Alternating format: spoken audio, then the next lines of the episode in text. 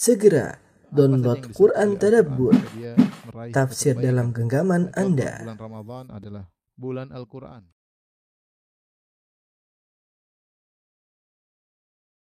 Bismillahirrahmanirrahim. Assalamualaikum warahmatullahi wabarakatuh. Alhamdulillahi ala ihsanihi wa syukru lahu ala taufiqihi wa amtinani. Asyhadu an la ilaha illallah wahdahu la syarika lahu ta'ziman li sya'ni wa asyhadu anna Muhammadan abduhu wa rasuluhu da'ila ridwani. Allahumma salli alaihi wa ala alihi wa ashabihi wa ikhwani. Eh, para ikhwan dan akhwat, para dokter yang dirahmati Allah Subhanahu wa taala, kita melanjutkan eh, perkara-perkara yang merupakan kebiasaan orang-orang jahiliyah yang dikumpulkan oleh Syekh Muhammad bin Abdul Wahab rahimahullahu taala dipaparkan kepada kita satu demi satu agar kita waspada dan menjauhkan diri dari perkara-perkara tersebut. Karena di antara eh, kesempurnaan eh, bertauhid adalah meninggalkan segala kebiasaan-kebiasaan eh, jahiliyah. Di antara perkara-perkara tersebut adalah eh, poin yang ke-55 uh, ta'assub lil madhab ya fanatik madhab ke qaulihi ta'ala seperti firman Allah Subhanahu wa taala wala tu'minu illa liman tabi'a dinakum. Janganlah kalian beriman kecuali yang mengikuti agama uh, kalian ini adalah uh, perkataan orang Yahudi yang mereka berkata jangan dengar dari yang lain cuma dengarlah dari uh, kalian saja. Sehingga mereka tidak mau mendengar kebenaran yang datang dari uh, pihak luar. Menurut mereka bahwasanya kebenaran menurut mereka kebenaran hanyalah ada pada Bani Israel pada Bani Israel. Sehingga mereka ta'assub dengan fanatik dengan ras mereka sebagai Bani Israel ya. Demikian juga Allah sebutkan dalam ayat yang lain nu'minu bima yu- nu'minu bima unzila alaina wa yakfuruna bima wara'ah kita hanya beriman kepada yang Allah turunkan kepada kami kepada kita yaitu Taurat saja. Wa yakfuruna bima wara'ah dan Allah mengatakan mereka kufur kepada yang diturunkan setelah itu yaitu uh, baik Injil maupun Al-Qur'an. Ini semua dibangun di atas ta'assub uh, fanatik kepada ras atau kepada uh, golongan mereka.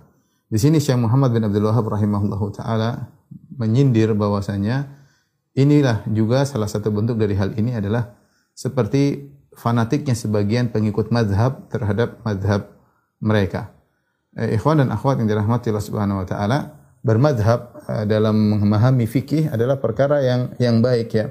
Perkara yang baik karena bermadhab itu adalah salah satu metode dalam memahami agama ya. Oleh karenanya eh, para ulama banyak di antara mereka bermadhab ya. Banyak di antara mereka bermadhab dari da- dahulu sampai sampai sekarang, terutama sejak mulai abad ke eh, empat ke atas, empat ke, abad ketiga ke atas ya. Eh, mulai banyak ulama yang eh, bermadhab. Ulama-ulama ahlu sunnah wal jamaah mereka juga bermadhab. Nah, hanya saja, hanya saja eh, yang dilarang adalah fanatik madhab. Fanatik madhab, fanatik membabi buta yang menganggap bahwasanya kebenaran hanya terbatas pada madhab tertentu atau madhab mereka sementara di luar daripada madhab mereka itu semuanya adalah kebatilan. Ini muncul eh, dari orang-orang eh, belakangan yang eh, fanatik buta terhadap madhab madhab mereka. Sehingga kalau kita baca sejarah sebagian pengikut madhab sampai fanatik sampai eh, menimbulkan eh, perpecahan sampai menimbulkan permusuhan di antara eh, di antara eh, para pengikut madhab. Sebagai contoh yang disampaikan oleh Siddiq Hasan Khan eh, rahimahullahu taala yang dia tinggal di daerah eh, India ya.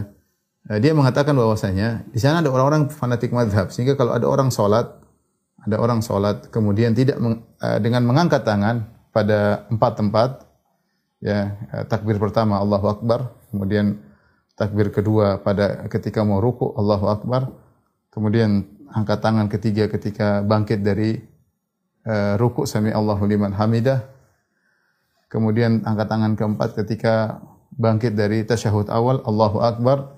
Ini empat, empat, empat tempat di mana disunahkan kita mengangkat kedua tangan namun di sana ada mazhab seperti mazhab Abu Hanifah yang mereka memandang itu bukan sunnah Ya. Nah, sebagian pengikut mereka kata Siddiq Hasan Khan rahimahullah taala, mereka eh, menganggap orang yang sholat sampai mengangkat tangan empat empat tempat ya, bukan cuma takbiratul ihram saja, tapi ditambah lagi tiga tempat yang lainnya, maka dianggap seperti orang yang yang sudah keluar dari agama atau dianggap sebagai orang yang menyimpang, orang yang sesat. Yang pandangan tersebut tidak mereka berikan kepada orang yang melakukan zina, orang yang makan riba, orang yang uh, mencuri, yang korupsi, tidak. Tapi kalau mereka lihat ada orang sholat sampai uh, apa namanya, sampai angkat tangan di tiga tempat yang lain, padahal itu sunnah ya. Menurut mereka tidak sunnah. Sebenarnya tidak jadi masalah, itu masalah khilafiyah. Tetapi menganggap orang yang menyelisih mereka kemudian seperti keluar daripada agama, ini tanggapan yang berbeda. Ini muncul dari sebagian orang yang fanatik madhab. Ya. Yang Al-Imam Abu Hanifah rahimahullah tidak pernah mengajarkan demikian. Tetapi eh, sebagian orang fanatik menganggap itu perkara yang besar yang eh, menjadi masalah besar bagi bagi mereka. Ya. Eh, demikian juga seperti terjadi perselisihan di antara pengikut madhab Syafi'i dengan pengikut madhab Abu Hanifah. Ya, ini pernah terjadi sampai-sampai sebagian mereka berfatwa tidak boleh menikah dari madhab yang lain, tidak boleh menikah dari madhab yang lain uh, kecuali uh, kecuali uh, wanitanya, kecuali wanitanya. Adapun adapun wanita dari madhab ini dinikahkan dengan lelaki dari madhab seberang, maka tidak boleh. Tapi kalau lelaki madhab ini menikah dengan wanita dari madhab seberang tidak mengapa. Dikiaskan dengan ahlul kitab. Dikiaskan dengan ahlul ahlul kitab. Sebagaimana kita orang muslim boleh menikah dengan wanita ahlul kitab, Yahudi maupun Nasrani, tidak jadi masalah. Maka demikian juga lelaki dari madhab ini boleh menikah dengan wanita dari madhab yang lain. Subhanallah sampai masalah pernikahan mereka melarang menikah antar madhab kecuali dengan aturan tadi. Wanita madhab yang lain boleh dinikah. Adapun lelaki madhab yang lain tidak boleh menikah dari wanita dari madhab kita dikiaskan dengan ahlul kitab. Dan ini terjadi. Dan ini uh, uh, terjadi. Bahkan uh, di zaman sekarang ada sebagian dai yang berfatwa misalnya tidak boleh menikah kecuali yang uh, akidahnya begini, kemudian fikihnya Syafi'i, kemudian uh, akhlaknya Sufi, selain itu tidak boleh. Ini ini fatwa dari mana seperti ini? Fatwa fanatik madhab ya, fanatik madhab yang uh, berlebihan. Yang para ulama madhab tidak pernah uh, para pendiri madhab tersebut atau para uh, ulama yang dinisbahkan madhab tersebut kepada mereka yaitu Imam Abu Hanifah, Imam Malik, Imam Syafi'i, Imam Ahmad tidak pernah mengajarkan uh, demikian. Ya. Di antara perkataan-perkataan yang sempat dikeluarkan oleh sebagian uh, tokoh-tokoh madhab yang fanatik ya, seperti saya uh, bacakan ya, seperti salah seorang dari pernah salah seorang dari pengikut madhab Abu Hanifah pernah berkata, "Fala fala'natu rabbina a'da'a ramlin ala man radda Abi Hanifah." Ada di antara mereka ulama mereka berkata yang fanatik mazhab Abu Hanifah berkata falaknatu rabbina a'da ramlin laknat rabb kami sebanyak uh, jumlah pasir ya. Yaitu sejumlah banyak sekali jumlah pasir jumlahnya banyak. Laknat laknat Allah sejumlah pasir alaman radda qaula Abi Hanifah terhadap orang yang menolak perkataan Abu Hanifah subhanallah. Jadi ada yang menolak, menolak pendapat Abu Hanifah dianggap didoakan agar dilaknat oleh Allah Subhanahu wa taala dengan sebanyak-banyaknya.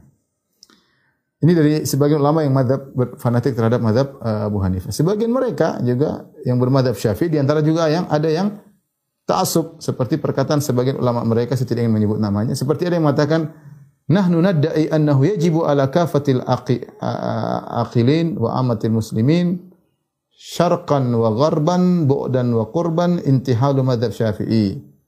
Ya kami menyeru ya kami uh, apa namanya mendakwahkan ya bahwasanya wajib bagi seluruh orang yang berakal dan seluruh kaum muslimin baik di timur maupun di barat baik jauh maupun yang dekat untuk bermadhab Syafi'i. Untuk bermadhab Syafi'i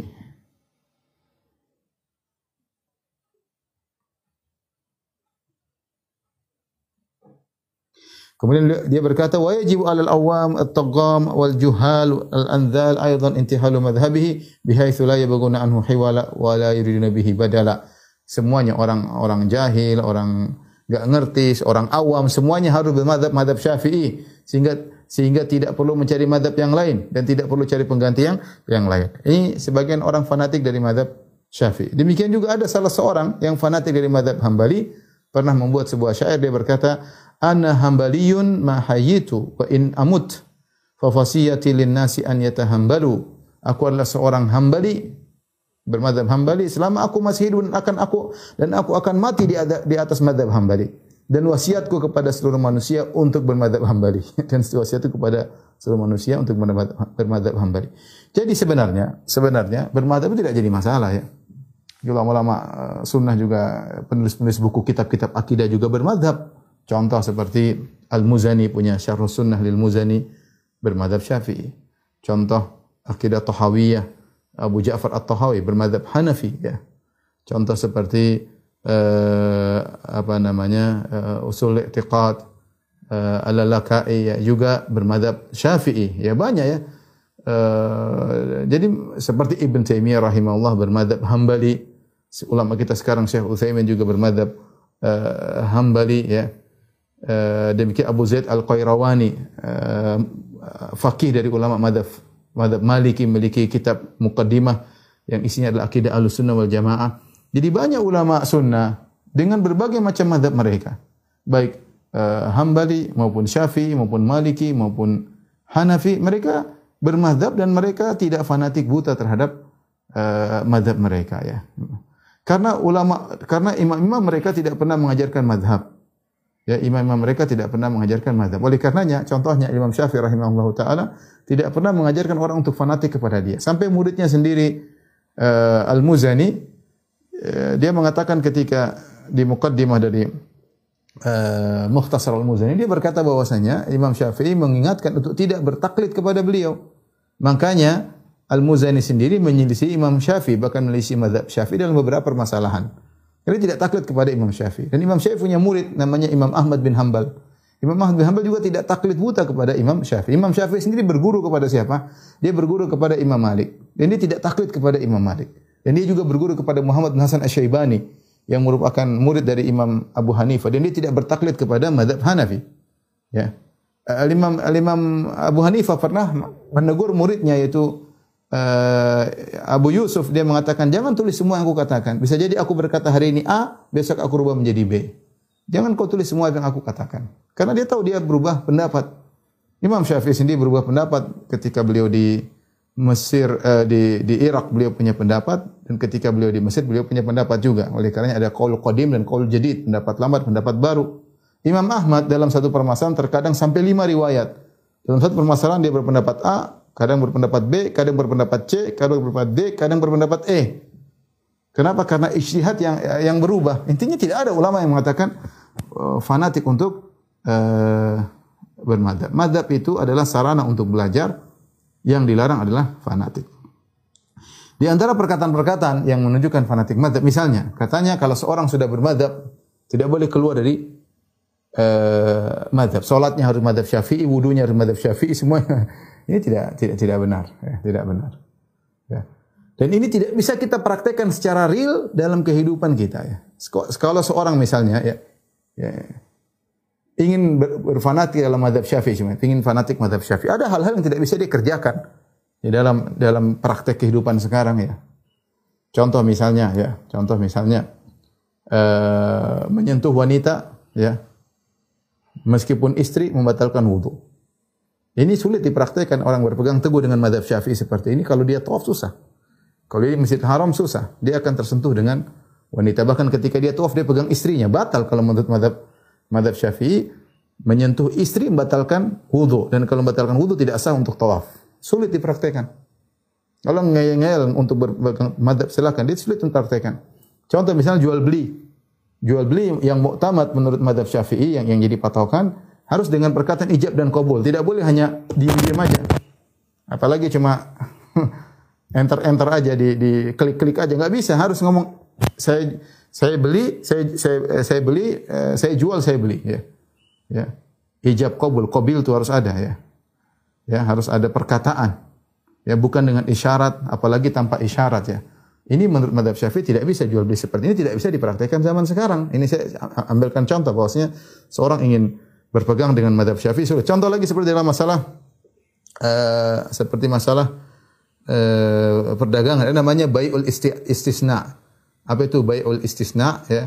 Istisna yaitu kita memesan barang seperti kita memesan eh, lemari, kita memesan lemari, maka yang dipraktekkan sekarang ya atau memesan lemari atau memesan rumah kita beli kepada developer, bagaimana caranya? Eh, kita pesan ya. Pesan bisa kita kasih DP, kita kasih DP misalnya eh, 10 juta, kemudian kita pesan rumah dengan model-modelnya nanti kita eh, setelah dia jadi baru kemudian kita jadi kita boleh hutang. Kita boleh hutang nanti dia jadi baru kita lunasi. Ya, ini tidak jadi eh, masalah. Seperti kita pesan lemari, bahkan kita nggak bayar dulu, kita pesan sama dia, akad sudah jadi, nanti lemarinya jadi baru kita bayar. Ini namanya istisna. Kita memesan seorang untuk membuatkan, memproduksi sesuatu, apakah rumah ataukah eh, ataukah apa namanya rumah ataukah lemari atau kursi yang semisalnya. Nah dalam akad uh, madhab syafi'i, bahwasanya akad ini dianggap sebagai akad salam, jual beli salam. Sementara dalam syarat jual beli salam, bahwasanya uang harus kontan dulu. Uang harus kontan dulu meskipun barang uh, tertunda ya. Dan ini terjadi di zaman Nabi SAW. Kalau orang ingin beli beras, eh, beli beli korma, ya, ya, maka dia harus bayar dulu. Misal, meskipun kormanya dua bulan lagi, tiga bulan lagi, tapi uangnya harus lunas. Uangnya nggak boleh nggak boleh hutang. Sementara istisna, akal istisna, ini boleh hutang. Ini boleh hutang uangnya. Sebagaimana barangnya nanti, uangnya juga boleh hutang. Dan ini hanya berlaku pada madhab Abu Hanifah. Namun pada prakteknya sekarang semua orang menerapkan ini. Tidak menerapkan madhab Syafi'i. Maksud saya, seperti juga kemarin saya baru bahas masalah masalah uh, misalnya masalah istinja. Ya istinja menurut madhab syafi'i tidak boleh seorang beristinja membersihkan uh, misalnya buang, uh, buang buang hajat kemudian tidak pakai air kemudian dia pakai sesuatu yang basah nggak boleh.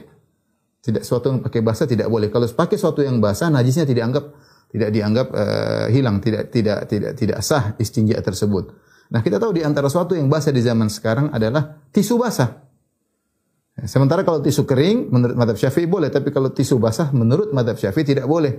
Padahal kita tahu tisu basah lebih membersihkan daripada tisu tisu kering. Artinya apa? Kalau seorang berpegang teguh dengan satu madhab, dia ngeyel bahwasanya saya tidak mau keluar dari madhab ini, dia akan mengalami banyak kesulitan dalam dalam praktek kesehariannya. Ya. ya. Jadi maksud saya, uh, ikhwan dan akhirnya subhanahu wa ta'ala, semua madhab itu baik ya.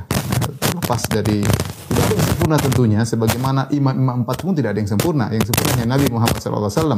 Oleh karena Imam Malik rahimahullah yang dia merupakan gurunya Imam Syafi'i dia berkata, "Kulun yu'khadhu min qawli wa yurad ila sahibah hadal qabr." Setiap orang boleh diambil perkataannya dan setiap orang boleh dibuang perkataannya. Kecuali siapa? Kecuali penghuni kubur ini itu Nabi Muhammad sallallahu alaihi wasallam. Dan imam-imam tersebut tidak pernah mengajarkan fanatik pada diri mereka.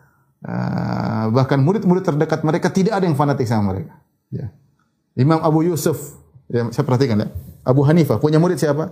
Abu Yusuf Muhammad bin Muhammad bin Hasan Asy-Syaibani. Dua murid utamanya Abu Yusuf dan Muhammad bin Hasan Asy-Syaibani menyelisih Abu Hanifah dalam banyak permasalahan. Murid-murid terdekatnya ngerti bahwasanya gurunya tidak pernah mengajarkan fanatik. Ya. Imam Malik punya murid terdekat di antaranya Imam Syafi'i. Imam Syafi'i tidak tidak tidak taklid kepada Imam Malik. Tidak taklid kepada Imam Malik ya. Bahkan dalam sebagian saya pernah saya pernah tulis dalam buku mukadimah dari buku saya ajaran sebagian ajaran madhab Syafi'i yang ditinggalkan bagian Imam Syafi'i pernah membantah perkataan Imam Malik ketika melihat sebagian orang mulai berlebih-lebihan terhadap Imam Malik. Setelah Imam Malik meninggal dia bantah Imam Malik padahal itu gurunya sendiri. Kenapa? Karena Imam Malik tidak pernah mengajarkan Imam Syafi'i supaya fanatik kepada gurunya. Imam Syafi'i punya murid Al-Muzani. Al-Muzani juga tidak fanatik kepada Imam uh, Syafi'i. Dan demikian Imam Syafi'i murid Imam Ahmad.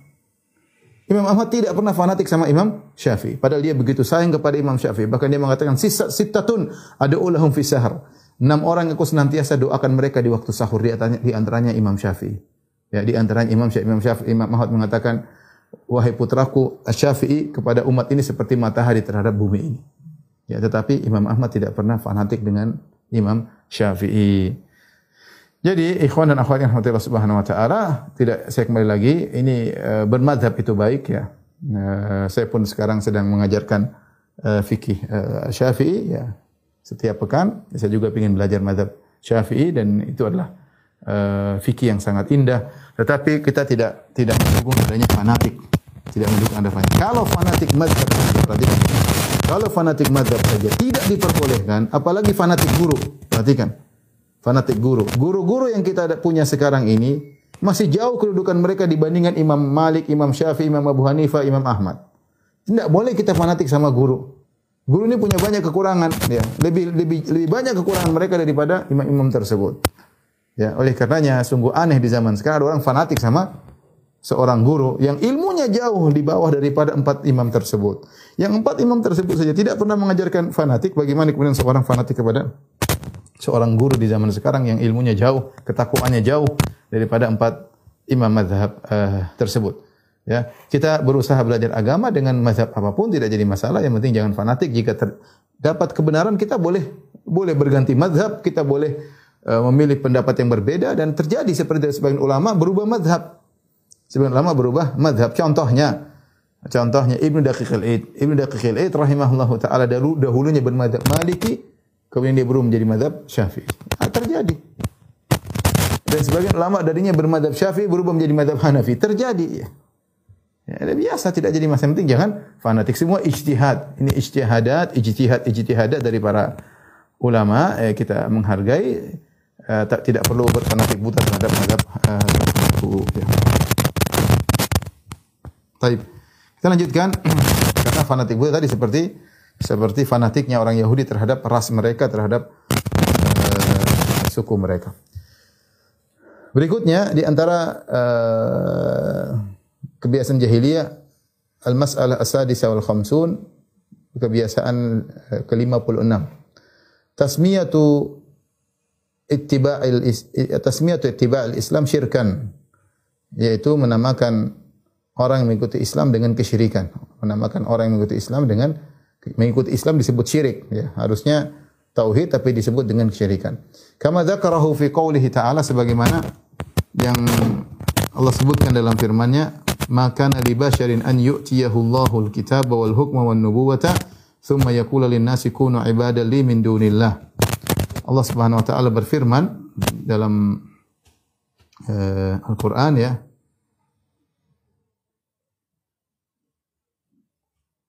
itu dalam surat eh, Ali Imran ayat 79 ya.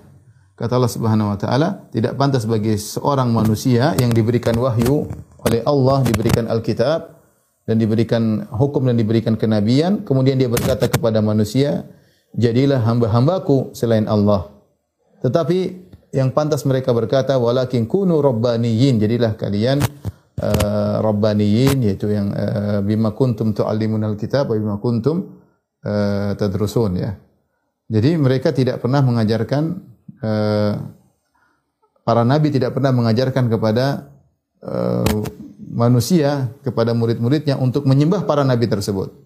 Akan tapi yang mereka ajarkan adalah hendaknya kalian menjadi orang-orang yang robbani. Robbani itu yang belajar dari dari ilmu yang kecil sampai ilmu yang besar. Karena kalian sekalian mengajarkan Alkitab, ya. Dan disebabkan kalian tetap mempelajarinya. Tapi ayat ini dalam surat Ali Imran ayat 79, ini ada sebab nuzulnya. Disebutkan oleh para ulama seperti Ibnu Katsir rahimahullah dalam tafsirnya, Ibnu Jarir At-Tabari dalam tafsirnya, juga para ulama yang lain. Jadi bagaimana sebab nuzulnya? Datanglah sekelompok orang dari Najran, kaum Nasara, yaitu pada tahun sekitar tahun 9 Hijriah ketika Amul Wufud, yaitu Nabi sallallahu alaihi wasallam menerima tamu-tamu dari berbagai macam daerah ya, datang untuk mengenal Islam, datang untuk berdiskusi ya. Sampai akhirnya datanglah wafat uh, wafat Najran. Dari uh, Najran yaitu sekelompok orang Nasrani datang kepada uh, Nabi Muhammad sallallahu alaihi wasallam kemudian mereka berdiskusi dengan Nabi sallallahu alaihi wasallam. Setelah mereka diskusi sampai akhirnya mereka mengambil kesimpulan kata mereka wahai Muhammad apakah engkau ingin kami menyembahmu bersama Allah engkau ingin kami menyembahmu bersama Allah sebagaimana kami menyembah Isa bersama Allah ya jadi mereka menganggap Nabi suruh masuk Islam itu adalah memaksa mereka untuk menyembah Nabi Muhammad. Mereka menganalogikan seperti Nabi Isa alaihissalam. Seakan-akan mereka berkata, sudah cukup kami menyembah Nabi Isa dan Allah. Ngapain menyembah kamu Muhammad? Ya, ngapain menyembah kamu Muhammad? Padahal Nabi SAW menyuruh mereka untuk masuk Islam, bukan untuk menyembah Nabi Muhammad SAW. Ya, Maka Allah turunkan ayat ini untuk membela Nabi Muhammad SAW. Bahwasanya Rasulullah SAW tidak pernah menyuruh seorang pun untuk menyembah dirinya. Mereka justru Nabi menyuruh untuk mentauhidkan Allah, untuk meninggalkan peribadatan terhadap Nabi Isa. Tapi mereka uh, ngeles ya dengan mereka menganggap Islam adalah ingin beribadah kepada Muhammad. Maka turun firman Allah, "Maka kana li basharin ay yu'tiyahu Allahul kitaba wal hukma wan nubuwata, thumma yaqulu thumma yaqulu lin nasi kuna ibadah min dunillah." Tidak pantas bagi seorang manusia itu Rasulullah SAW meskipun ataupun nabi-nabi yang lainnya yang telah Allah berikan kepadanya Alkitab, kemudian hukum dan kenabian. Kemudian Rasul ini berkata, "Jadilah kalian hamba-hambaku selain hamba-hamba Allah. Sembahlah aku dan sembahlah Allah." Tidak ada Nabi Muhammad pernah berkata demikian. Nabi Isa pun tidak pernah demikian, berkata demikian. Nah orang-orang Nasara ini karena mereka kalah dalam berdebat, mereka ngeles. Sehingga mereka mengatakan, hey Muhammad, kau ingin kami beribadah kepadamu selain kami beribadah kepada Allah. Sebagaimana kami beribadah kepada Isa dan Allah. Nabi bantah, tidak. Bahkan kalau kita baca tentang bagaimana ajaran Rasulullah SAW, Rasulullah SAW sangat jauh dari hal itu seluruhnya. Ya. Bagaimana ada seorang yang datang kemudian mengatakan, Masya Allah wa syi'ta, Ya Muhammad atas kehendak Allah dan kehendakmu. Rasulullah marah. Ketika ada seorang mengatakan karena kehendak Allah dan kehendakmu ya Rasulullah. Maka Rasulullah SAW berkata, Ajal ta'anillahi dan kau jadikan aku tandingan bagi Allah. Dalam dalam riwayat yang lain, Ajal lillahi idlan, kau jadikan aku sebagai penyeimbang bagi Allah. Kul masya Allah wahda, katakanlah atas kehendak Allah semata. Jangan bilang atas kehendak Allah dan kehendak Muhammad. Rasulullah tidak suka. Rasulullah SAW tidak tidak suka. Rasulullah yang pernah berkata bagaimana dia ingin disembah dia mengatakan la tutruni kama atratin nasara Isa bin Maryam inna ma ana abdun faqulu abdullahi wa rasuluh. Janganlah kalian berlebih-lebihan dalam memujiku ya. Sebagaimana orang-orang Nasara berlebih-lebihan kepada Nabi Isa. Sungguhnya aku hanyalah seorang hamba, katakanlah Muhammad adalah hamba Allah dan Rasulnya. Katakanlah Muhammad adalah hamba Allah dan dan Rasulnya. Rasul tidak suka. Ketika ada sebagian orang mengatakan, Anta sayyiduna. Mereka memuji-muji Rasulullah SAW. Engkau adalah pemimpin kami. Rasulullah mengatakan, Asyidu Allah. Yang, yang, yang penguasa sungguhnya adalah Allah Subhanahu Wa Taala. Rasulullah Ya, Rasulullah mengatakan qulu bi ba'dhi qaulikum. Kalian mujilah sesuai sebagaimana yang biasanya. Wala yastahwiyannakum syaitan. Jangan sampai kalian tergelincir oleh syaitan memuji berlebih-lebihan. Rasulullah SAW tidak suka dipuji uh, berlebih-lebihan. Rasulullah SAW tidak suka kalau dia datang kepada orang berdiri lewat kemudian berdiri orang-orang menghormati Nabi tidak suka. Kata seorang sahabat, "Maka na ahadun ahabba ilaihim min Rasulillah sallallahu alaihi wasallam wa kanu idza ra'ahu lam yakumu lima ya'lamuna min karahiyatihi lidzalik." Kata seorang sahabat, ya kalau tidak salah Anas bin Malik radhiyallahu anhu, tidak ada seorang pun yang paling dicintai oleh para sahabat seperti Nabi sallallahu alaihi wasallam. Tapi kalau Nabi lewat atau Nabi datang, mereka tidak berdiri dalam rangka untuk mengagungkan Nabi sallallahu alaihi wasallam. Kenapa? Karena mereka tahu Nabi tidak suka akan hal tersebut. Karena mereka tahu Nabi tidak suka akan hal uh, hal tersebut. Ya. Ketika ada seorang mengatakan wasina nabiyyun ya'lamu ma fil ghad, di antara kami ada seorang nabi yang tahu tentang masa depan, Rasulullah marah. Siapa bilang saya tahu masa depan? Rasulullah marah. Siapa bilang saya tahu apa yang terjadi besok? Rasulullah marah. Rasulullah sallallahu alaihi wasallam tidak ingin disembah. Ya. Makanya Rasulullah SAW uh, apa namanya uh, menegur bani menegur orang-orang Nasara agar tidak menyembah Nabi Isa. Tetapi Orang Nasara karena kalah dalam berdebat, wafat Bani Najran, mereka dari Najran ini, eh, mereka kalah dalam berdebat sehingga mereka ngeles. Mereka bilang, ah Muhammad kau ingin kami nyembah engkau seperti kami nyembah Isa. Artinya seakan-akan mereka nuduh Muhammad Shallallahu Alaihi Wasallam eh, apa ya eh, hasad sama Isa. Isa disembah, engkau enggak wahai Muhammad. Kau ingin kami nyembah engkau? Maka tadi turun ayat membela Rasulullah Shallallahu Alaihi Wasallam ya. Uh, tadi jadi uh, saya ingat kembali bahwasanya orang-orang Nasara mereka ngeles sehingga mereka uh, menuduh Islam dengan kesyirikan. Mereka menamakan Islam yang ditawarkan oleh Nabi untuk mereka mereka namakan syirik.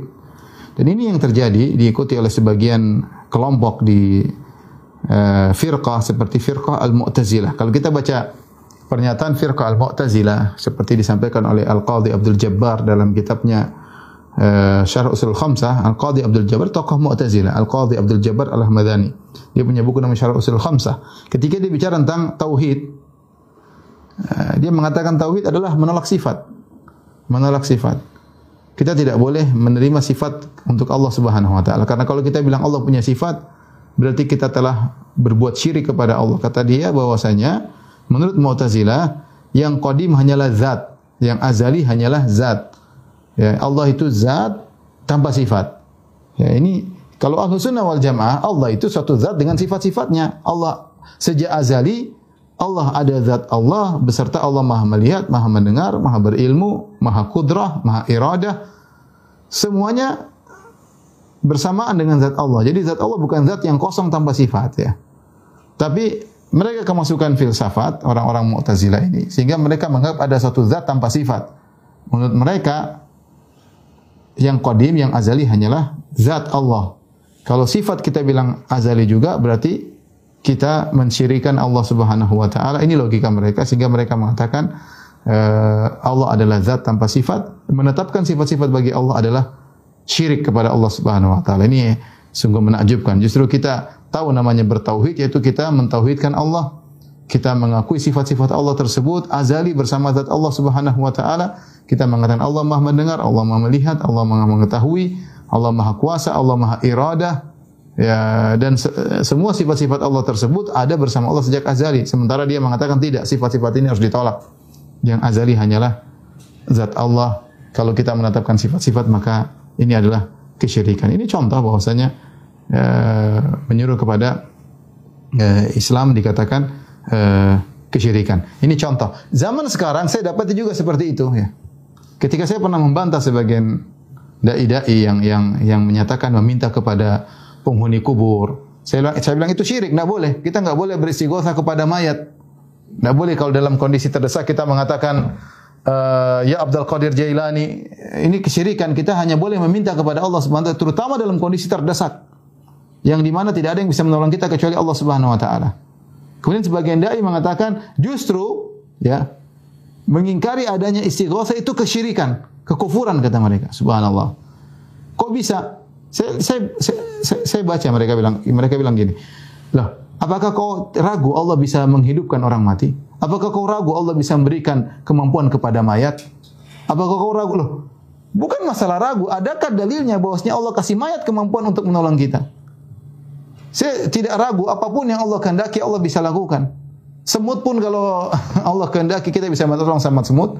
Kotoran kalau Allah kehendaki bisa jadi makanan. Tapi mana buktinya? Ya.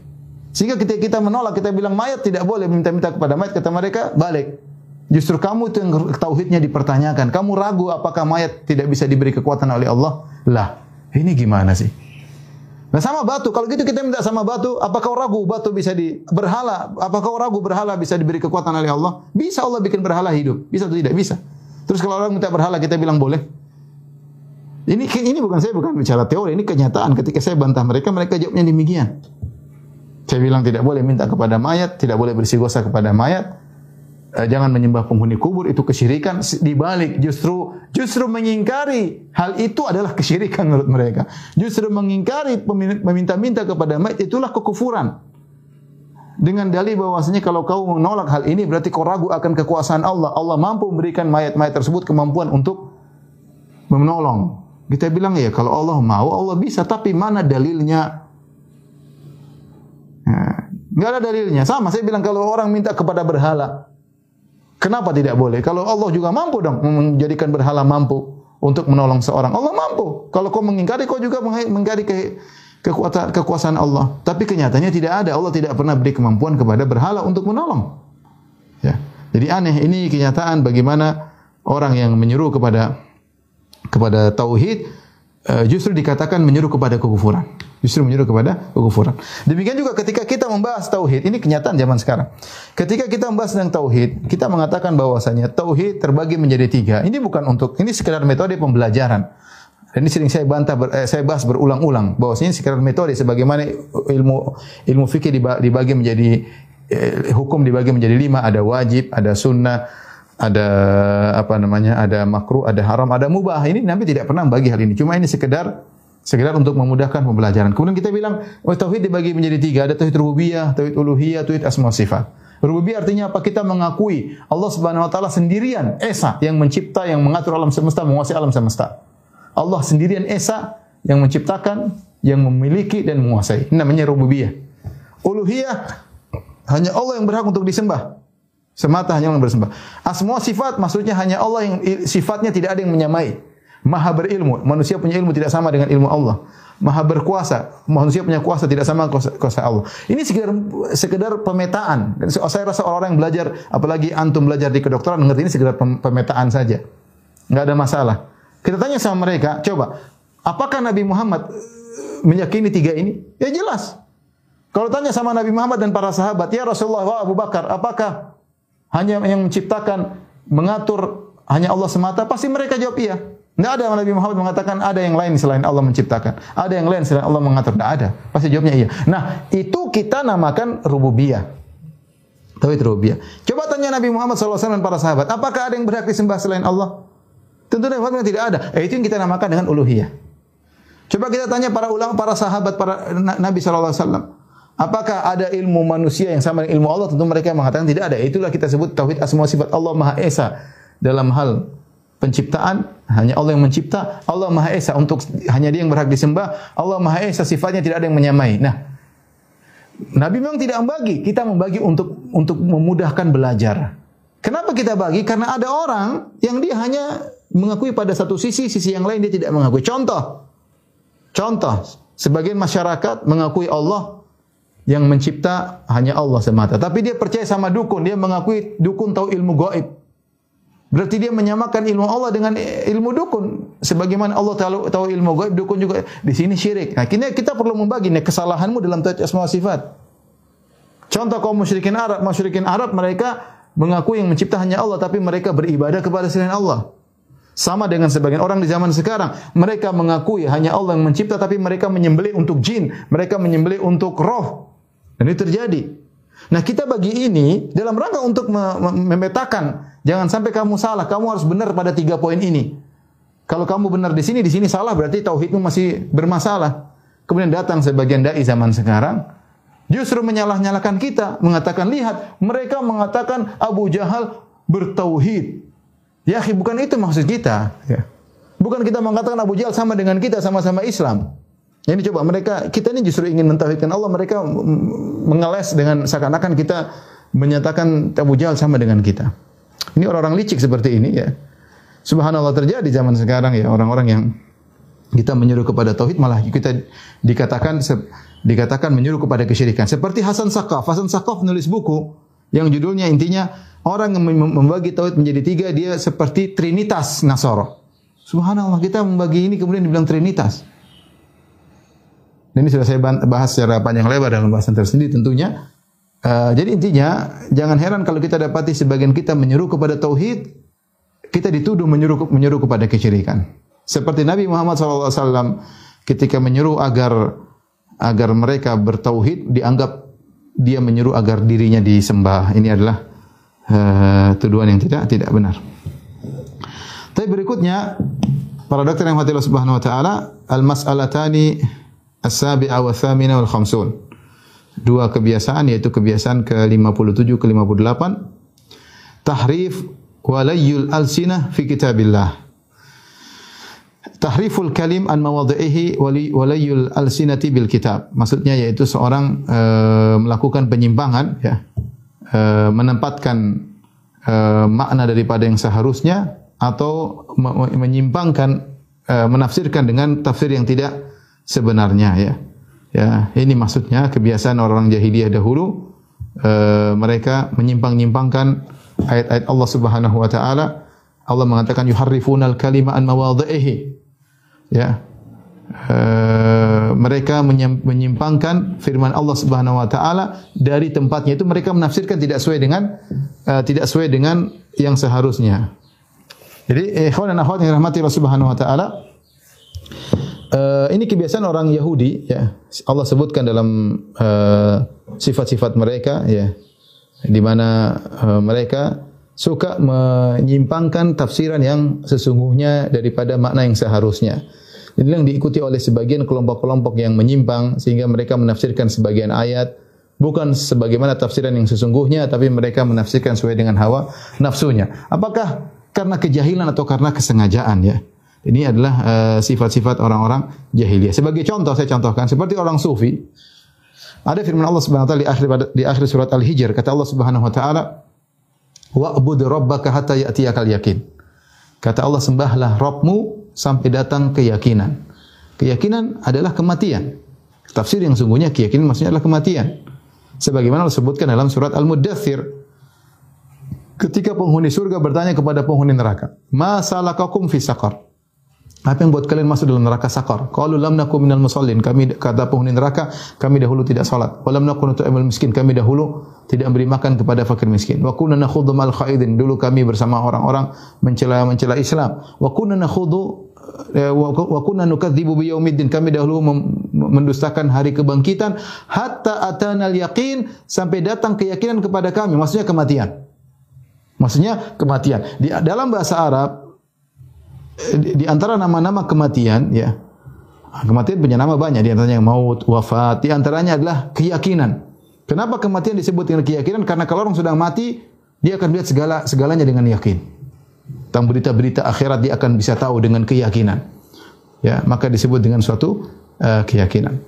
Ya, maka di akhir surat Al-Hijr Allah berfirman kepada Nabi sallallahu alaihi wasallam ya, perhatikan kata Allah Subhanahu wa taala, Wa laqad na'lamu annaka yadhiqu sadruka bima yaqulun. Fasabbih bihamdi rabbika wa kum minas sajidin wa'bud rabbaka hatta ya'tiyakal yakin. Lihat ayatnya. Dua ayat terakhir dari dari surat uh, Al-Hijr. Sungguh kami tahu wahai Rasulullah sallallahu alaihi wasallam, hatimu sempit, dadamu sempit akibat perkataan-perkataan mereka. Artinya mereka menuduh Rasulullah dengan tuduhan yang tidak-tidak. Rasulullah manus, manusia, sifat manusia yang membuat dadanya sempit karena perkataan-perkataan mereka. Maka Allah kasih solusi. Apa solusinya wahai Muhammad? Ya, Fasabbih bihamdi rabbika wa kum minas. Banyaklah engkau bertasbih dan jadilah engkau orang yang sujud, yaitu beribadah. Wa'bud rabbaka dan sembahlah Rabbmu, beribadahlah kepada Rabbmu hatta ya'tiyakal yakin sampai datang keyakinan sampai kau mati. Dan ini diterapkan oleh Nabi wasallam. Nabi wasallam beribadah sampai beliau meninggal dunia. Bahkan beliau ke dalam kondisi sakit parah, beliau berusaha untuk salat bukan hanya salat, bahkan salat berjamaah. Sampai beliau mm, kemudian minta dimandikan. Kemudian beliau hendak berdiri tiba-tiba beliau pingsan. Ketika beliau pingsan, beliau sadar, beliau minta dimandikan lagi supaya segar. Kemudian beliau hendak berdiri pingsan lagi sampai dua kali sampai tiga kali. Sampai ketika beliau tidak mau, beliau mengatakan muru Abu Bakrin falyusalli bin nas, suruh Abu Bakar yang jadi imam. Tapi bagaimana semangat beliau? Bahkan disebutkan Abu Bakar sudah salat, beliau dipapah menuju ke ke masjid untuk salat berdampingan dengan Abu Bakar. Ya. Jadi uh, Rasulullah SAW semangat beribadah ya, sampai meninggal dunia. Ini malah ditafsirkan oleh mereka sebagian orang sufi, wa but rabbaka ta'tiyakal yakin, sembahlah Rabbmu sampai kau yakin. Kalau sudah yakin enggak usah sembah. Dan mereka terapkan. Mereka terapkan kalau sudah yakin maka tidak perlu menyembah Allah Subhanahu wa taala. Sehingga sebagian mereka mengatakan kami sudah sampai pada derajat yakin. Kalian masih hakik, masih syariat. Kami sudah sampai hakikat maka tidak perlu uh, menyembah Allah Subhanahu wa taala. Dan seperti ini banyak tafsir-tafsir ngawur yang maksudnya A mereka belokkan kepada maksudnya maksudnya B ya. Banyak ya. Apalagi kalau kita bicara tentang eh, apa namanya asma wa sifat ya mereka banyak menyimbangkan ayat-ayat Allah Subhanahu wa taala. Kebiasaan orang-orang jahiliyah mereka rubah-rubah uh, makna. Mereka merubah-rubah makna merubah-rubah tafsir yang uh, yang benar ya. Uh, uh, terutama kelompok-kelompok uh, yang menyimpang dari syariat Allah Subhanahu wa taala ya. Tapi berikutnya di antara kebiasaan jahiliyah talqibuhum ahlul haq talqibuhum ahlul haqqi bil alqabil bil alqabil munaffirah. Al mas'alatu tasi'ah wal khamsun permasalahan 59 talqibu ahlil huda was sawabi bis sabi'ah wal hasyawiyah yaitu menuduh orang-orang di atas kebenaran dengan lakop-lakop gelar-gelar yang menjauhkan orang dari uh, ahlu, dari ahlu sunnah dari ahlul haq seperti dituduh sebagai Rasulullah dituduh sebagai sabi'ah seperti ahlu sunnah dikatakan sebagai hasyawiyah. Ya.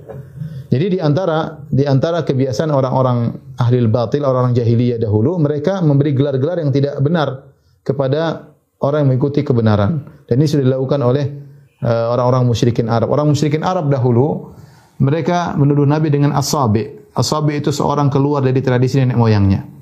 Karena mereka tahu bahwasanya di antara hal yang paling membuat orang lari dari Muhammad kalau Muhammad dituduh dengan keluar dari tradisi nenek moyang karena mereka punya sikap fanatik kepada tradisi nenek moyang yang luar biasa. Mereka mengatakan Muhammad sabi keluar dari tradisi nenek moyangnya. Tentu mereka gelari Rasulullah dengan gelar-gelar yang lain juga dituduh sebagai kahin, uh, dukun, majnun orang gila, dituduh sebagai sahir, penyihir, dituduh sebagai mashur tersihir, dituduh sebagai syairun majnun, penyair, dituduh sebagai pemutus silaturahmi. Ya, ini semua gelar-gelar yang ditempelkan kepada Nabi. Di antaranya adalah sahabi keluar dari tradisi moyang, ya, tradisi, tradisi moyang. Oleh karenanya Abu Jahal ketika dalam perang perang Badar dia berdoa kepada Allah. Dan ini uh, bisa antum baca dalam tafsir firman Allah Subhanahu wa taala, "In tastaftihu faqad ja'akumul fath." Uh, dalam surat Al-Anfal. Yaitu Abu Jahal berdoa, "Allahumma ayyuna aqta'u rahim wa ja'ana bima lam na'rif ainul ghadat." Abu Jahal sebelum perang Badar dia berkata, "Ya Allah, siapa di antara aku dan Muhammad yang paling memutuskan silaturahmi?" Hancurkanlah dia hari ini. Jadi dia menuduh Muhammad memutuskan silaturahmi. Ya, karena memutuskan memisahkan antara suami dan istri, memisahkan antara kakak dan adik, memisahkan antara orang tua dan anak. Dan ini terjadi Islam demikian, tapi bukan, bukan padahal Rasulullah menyeru kepada silaturahmi. Di antara dakwah Nabi ketika pertama sampai Madinah, silul arham sambung silaturahmi. Bahkan Rasulullah SAW ketika dimusuhi oleh oleh oleh Bani Hashim, oleh Quraisy dia mengatakan akan tapi antara aku dengan kalian adalah silaturahim. Kita punya rahim sa'abulluha bibilaliha. Aku akan basahi rahim kita dengan sebasah-basahnya itu aku akan menyambung meskipun kalian musuhiku. Nabi sampai mengatakan demikian. Nabi menyuruh kepada silaturahmi, tapi dia dituduh memutuskan silaturahmi. Di antaranya dituduh dengan sahabat orang keluar tradisi. Gelaran-gelaran yang buruk mereka berikan kepada Nabi Shallallahu Alaihi Wasallam. Itu cara cara orang untuk menjauhkan dari kebenaran dengan diberi gelaran yang buruk. Nah, seperti zaman sekarang, ya orang menyuruh kepada kebenaran dituduh yang tidak tidak, ya dituduh yang tidak tidak. Sebagaimana orang jahiliyah dahulu, ya. Kalau zaman dahulu orang yang ahlus sunnah itu hasyawiyah, Hasyawiyah itu orang yang hasya dari hasyu. Hasyu itu adalah sesuatu yang tidak ada manfaatnya. Itu apa? Dakwah yang tidak bermanfaat disebut hasyawiyah. Zaman sekarang mereka mengatakan Wahabi. Ya. Semua orang berpegang Al-Quran dan Sunnah dikatakan Wahabi. Subhanallah. E, dibuat gelaran yang e, orang pokoknya kenapa Wahabi selesai? Kenapa Wahabi? Tidak tahlilan Wahabi. Kemudian tidak kunut subuh Wahabi. Ya Kemudian tidak mauludan disebut Wahabi. Seakan-akan Wahabi itu momok yang maksudnya eh, adalah kesesatan atau eh, yang lainnya ya. Kita tidak pernah ta'asub kepada Syekh Muhammad bin Wahab rahimahullah taala. Ya kita alhamdulillah banyak buku yang kita pelajari. Beliau adalah ulama sebagai ulama yang dan beliau bermadzhab Hambali. Ini sudah pernah saya jelaskan dalam biografi beliau Syekh Muhammad bin Abdul Wahab rahimahullah taala. Namun ini sengaja gelar yang yang ditempelkan seperti itu oleh orang-orang yang tidak suka sehingga uh, dengan gelar seperti selesai ya. Dituduh sebagaimana orang uh, terdahulu. Seperti orang-orang Rafidah, orang Rafidah menuduh Ahlu Sunnah dengan nawasib. Disebut nawasib. Nawasib itu adalah orang yang bermusuhan kepada Ahlul Bait. Menuduh seakan-akan Ahlu Sunnah memusuhi Ahlul Bait. Padahal tidak. Kita sering bersolawat kepada Nabi SAW, bahkan kita bersolawat kepada Nabi dan keluarganya. Bagaimana disebut kita membenci Ahlul Bait. Ya. Ya. Uh, mereka maunya ahlu sunnah mengkafirkan para sahabat. Baru dikatakan pecinta ahlul bait. Apakah mencintai ahlul bait mengharuskan mengkafirkan para sahabat sebagaimana pemikiran Rafidah? Rafidah demikian, ya. Mereka uh, mengatakan bahwasanya uh, ahlu sunnah adalah eh, orang-orang yang membenci ahlul bait. Demikian juga sebagian orang-orang ketika uh, berkecimpung dalam uh, perpolitikan, kemudian berkecimpung dalam masalah hal-hal yang mungkin butuh pemahaman yang dalam. Sementara sebagian misalnya sebagian ulama yang uh, tidak berkecimpung kemudian dikatakan ulama haid dan nifas, ulama haid dan dan nifas. Tuduhan yang jelek ya. Tuduhan yang mengatakan ulama haid dan uh, dan nifas. Ya. Wallahu alam bisawab demikian saja atas apa yang bisa sampaikan kurang lebihnya saya mohon maaf. Wabillahi taufiq wal hidayah. Assalamualaikum warahmatullahi wabarakatuh.